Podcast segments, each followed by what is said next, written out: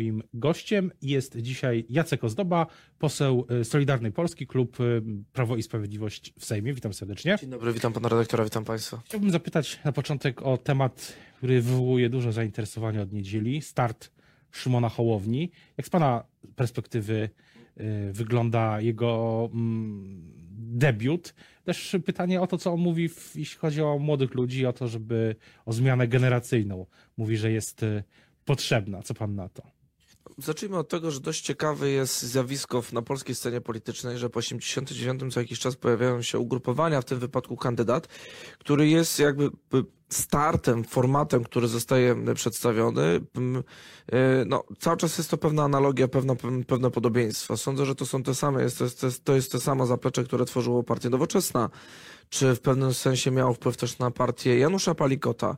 Dzisiaj mamy Szymona Hołowni, więc sądzę, że to jest nowe zjawisko, nowe w postaci przedstawienia nowego jakby produktu, ale nie zaplecza, które będzie, bo przecież zwróćmy uwagę na to, że środki finansowe, które będą musiały być przeznaczone na kampanię wyborczą prezydencką, to są gigantyczne kwoty. Gigantyczne kwoty podobne do tych, które były potrzebne, jak zakładano Partię Nowoczesna, czy inne ugrupowania. Sądzę, że jednak za panem Hołownią stoją ludzie związani z Ryszardem Petru, czy na zdjęciu na przykład jeden z dziennikarzy ujawnił, że był były koordynator służb specjalnych, znaczy od Platformy Obywatelskiej. Cichocki, pan by, był minister w kancelarii prezesa Rady Ministrów u Donalda Tuska. Oczywiście... To nie jest przechodzień, bo to budzi zawsze pewne zastanowienie, dlaczego tak ważna osoba w, w, w, zaplecza pana premiera Donalda Tuska nagle znajduje się na wiecu wyborczym, wiecu inauguracyjnym kandydata na prezydenta.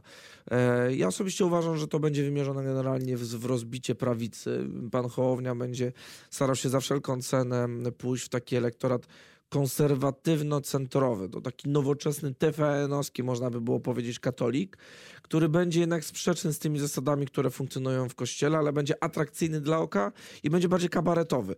I tego się obawiam. Czyli, a myśli pan, że Andrzej Duda, jego sztabowcy, przyszły sztab, nie został jeszcze teraz powołany, yy, mają się czego obawiać? Może powinni, może Andrzej Duda powinien oficjalnie teraz już powiedzieć, że startuje i zacząć po prostu prowadzić kampanię, odnosić się do tego, co się dzieje, odnosić się do, też do innych kandydatów yy, i przyszłych yy, kandydatek też żeby być precyzyjnym, y, użyję sformułowania, że prezydent przede wszystkim nie powinien się niczego bać. Na pewno nie powinien się bać kontrkandydatów, ale z drugiej strony prezydent Duda jest doskonałą osobą, jeżeli chodzi o sytuację z 2015 roku, doświadczoną osobą, ponieważ w 2015 roku widzieliśmy, jakie sondaże były dla byłego prezydenta Bronisława Komorowskiego, a jakim poparciem cieszył się wtedy Andrzej Duda.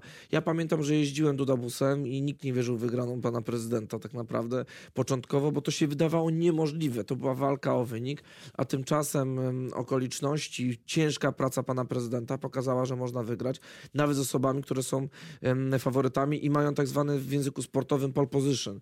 Widzimy, że dzisiaj oczywiście ten pole position ma prezydent Andrzej Duda, ale sztabowcy sądzę, że pokornie będą podchodzić do kontrkandydatów, bo to najważniejsze, żeby też szanować. No taki, taki, takie są uroki demokracji. Dobrze, że będą kontrkandydaci. Być może dobrze to będzie Szymon Hołownia, bo może będzie poruszał tematy, które będą ważne z punktu widzenia państwa.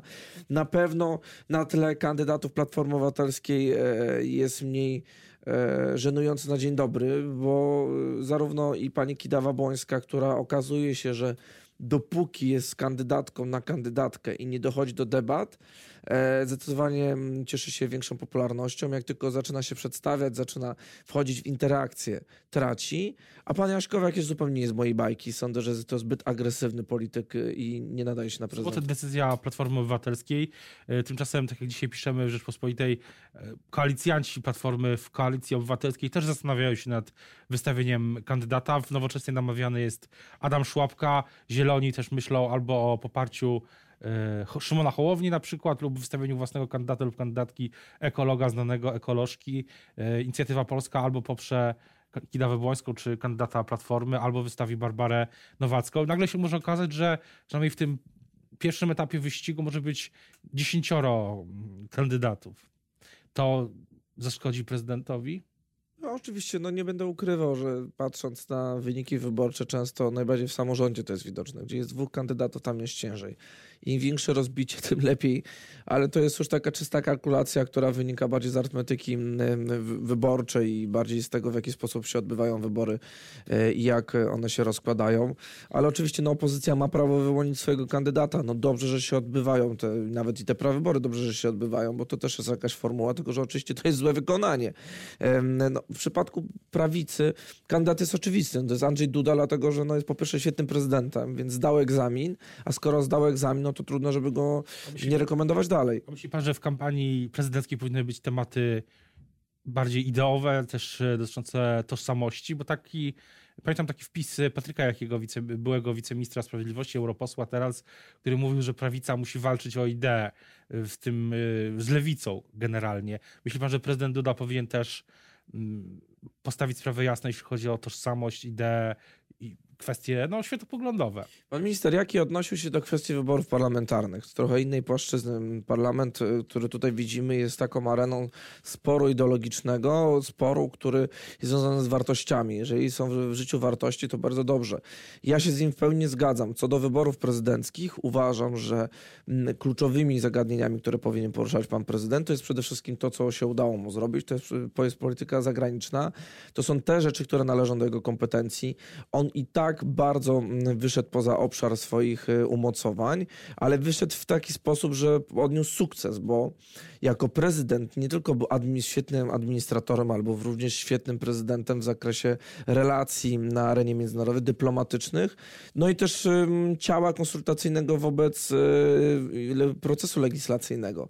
To świadczy o tym, że to jest zmiana charakteru prezydentury, prezydentury mocniejszej, mimo to, że w Polsce zgodnie z konstytucją, zgodnie z przepisami prawnymi, prezydent ma stosunkowo bardzo mały zakres swojej kompetencji. Czy sprawa szefanik Mariana Banasia e, będzie się, kładzie, będzie się kładła cieniem na kampanii prezydenckiej? Czy powinna zostać wcześniej zakończona? No, czym szybciej ta sprawa zostanie wyjaśniona i zakończona, tym lepiej. oczywiście ona się kładzie cieniem nikt tego nie, sądzę, że nie będzie bardzo podważał na cieniem na cały obóz rządzący, ponieważ to jest sytuacja mm, bardzo niedobra, bardzo też kompromitująca dla Izby, niedobra dla prezesa. E, Najwyższej Izby Kontroli. E, wczorajsza na przykład kontrola jest świadectwem tego, że można zmienić w ciągu kilku miesięcy wnioski pokontrolne i z uwag, które mówiły o tym, że można coś poprawić, nagle się stwierdza, że jest zawiadomienie do prokuratury. Więc widzimy, że no, to coś dzieje się złego w tym, że na czele Izby stoi ta osoba, trzeba uderzyć się w piersi i po prostu iść dalej, ale no, kto nie pracuje, ten nie popełnia błędów. No tak, ale Jacek Sasin, wicepremier Jacek Sasin, minister aktywów państwowych mówi wprost, że to był odwet. Pan się z tym zgadza? Ta konferencja wczoraj, te działania NIK? Merytorycznie patrząc na harmonogram przedstawienia tego raportu, wnioski pokontrolne, zawiadomienia, styl, uwagi, które zostały przedstawione i niesłusznie też z podstawą prawną, jak uważam, jako prawnik analizując, uważam, te argumenty nie są słuszne. Znaczy, to jest w ogóle niezrozumienie tej tematyki.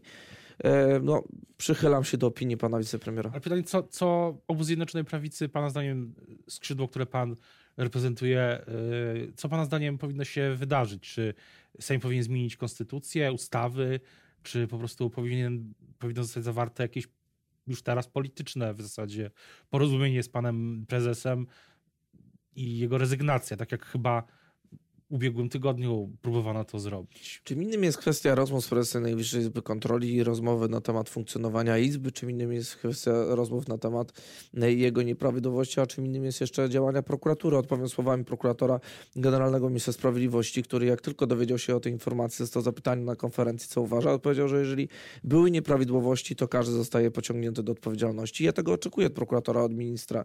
I nasze, moje stronnictwo, o które tutaj pan wspomniał, czyli Solidarna Polska, która wchodzi w skład obozu Zjednoczonej Prawicy, podchodzi do życia społecznego, do życia politycznego bardzo w sposób transparentny. Jeżeli ktokolwiek popełnia przestępstwo, ktokolwiek wykracza spoza swoje kompetencje, czy też e, dopuszcza się nieprawidłowości, nie ma żadnej taryfy tak, ale nie ma na razie mowy o przestępstwie, są działania prokuratury, ale... Jest wszczęte postępowanie, dlatego, postępowanie. Dlatego, dlatego oczywiście ja nie mam takiej łatwości oceniania sytuacji, ale uważam, że na czele Izby nie może stać na przykład osoba, która ma zabrać dostęp do informacji niejawnych, wszczęcie postępowania, wysłanie przez Centralne Biuro Antykorupcyjne zawiadomienia o możliwości popełnienia przestępstwa, to są naprawdę daleko idące kroki, które mogą sugerować, że coś jest na rzeczy. No, nie, nie, nie codziennie prokuratura wszczyna postępowania wobec tak ważnych osób, a widać po zachowaniu pana Mariana Banasia, że coś złego się dzieje, że e, w ten sposób postępuje w kontekście nawet wypowiedzi medialnych, które dla mnie są niepokojące. A wczorajszy raport powinien się spotkać się z reakcją też prezesa Najwyższej Izby Kontroli. No może nie reakcją, to prezes Najwyższej Izby Kontroli tak ważnych programach z punktu widzenia nawet środków finansowych powinien przedstawiać ten raport, a nie wysyłając tylko urzędników i nagle zmieniając jego formułę. Wracając jeszcze do Sejmu, o którym tu chwilę mówiliśmy, jak pan ocenia te pierwsze tygodnie, miesiące, zwłaszcza jeśli chodzi o y, nowe ugrupowania w Sejmie, czyli Lewicę i Konfederację? Czy jak pan widzi tutaj interakcję między spory między Zjednoczoną Prawicą, y, Solidarną Polską, a z jednej strony Lewicą, a z drugiej strony Konfederacją? Bo wczoraj chyba doszło do dosyć, miał pan dosyć ostry, ostrą dyskusję z jednym z posłów lewicy w jednym z wieczornych e, programów. No tak, pan Rozenek do mnie powiedział, że w ramach dyskusji o dezubekizacji powiedział, że powinienem dostać w twarz. No, na argument, że uważam, że w stanie wojennym osoby, które e, pukały do drzwi, wyważały je, wyciągając członków Solidarności, ludzi niewinnych, katując na komisariatach, e, nie powinni te osoby mieć wyższych emerytur, na co usłyszałem, że za takie argumenty powinien dostać w twarz. Ale generalnie to, co przedstawił Adrian Zandberg, przedstawiciel jednej z trzech lewicy, partii tworzących klub lewicy. To jest miękka lewica w Sejmie, tak zwane kontrexpose. To były argumenty innego, y, to były argumenty dotyczące państwa dobrobytu i tak dalej. Więc pytanie, czy widzi pan tutaj rywalizację z lewicą o głosy na przykład y, wyborców, y, którzy sprawami socjalnymi się przejmują.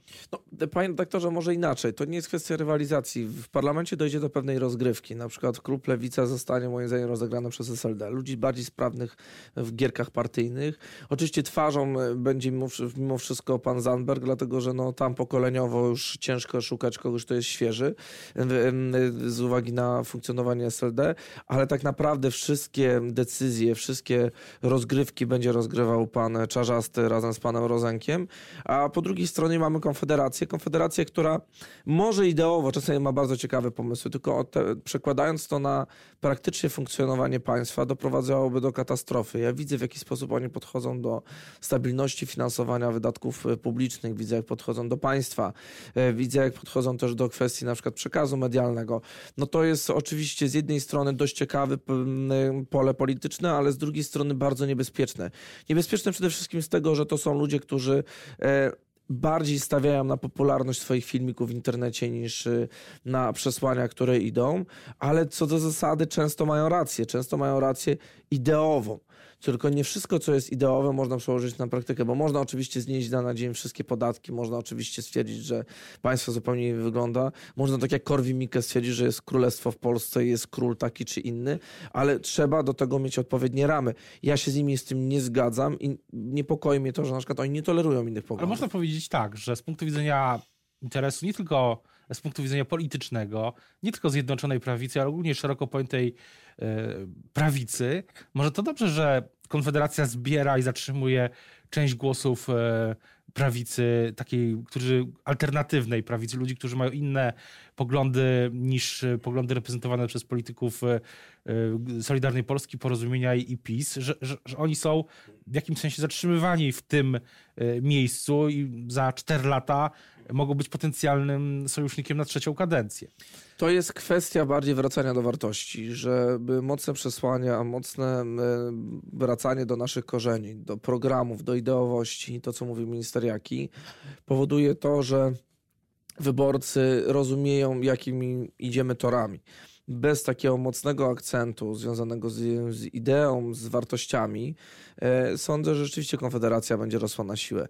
To jest pytanie, w którą stronę możemy czasami iść. Są politycy, którzy uważają, tak jak w pewnym momencie Platforma Obywatelska, że można mieć ciepłą wodę w kranie i to wystarczy. E, takie centrum, które wszystkim ma odpowiadać, a można iść bardzo ideowo. Ja mam wrażenie, że społeczeństwo chce ideowości, chce wartości, chce wartości chrześcijańskich. Zresztą tu pokazuje w pewnym sensie cała dyskusja w państwie.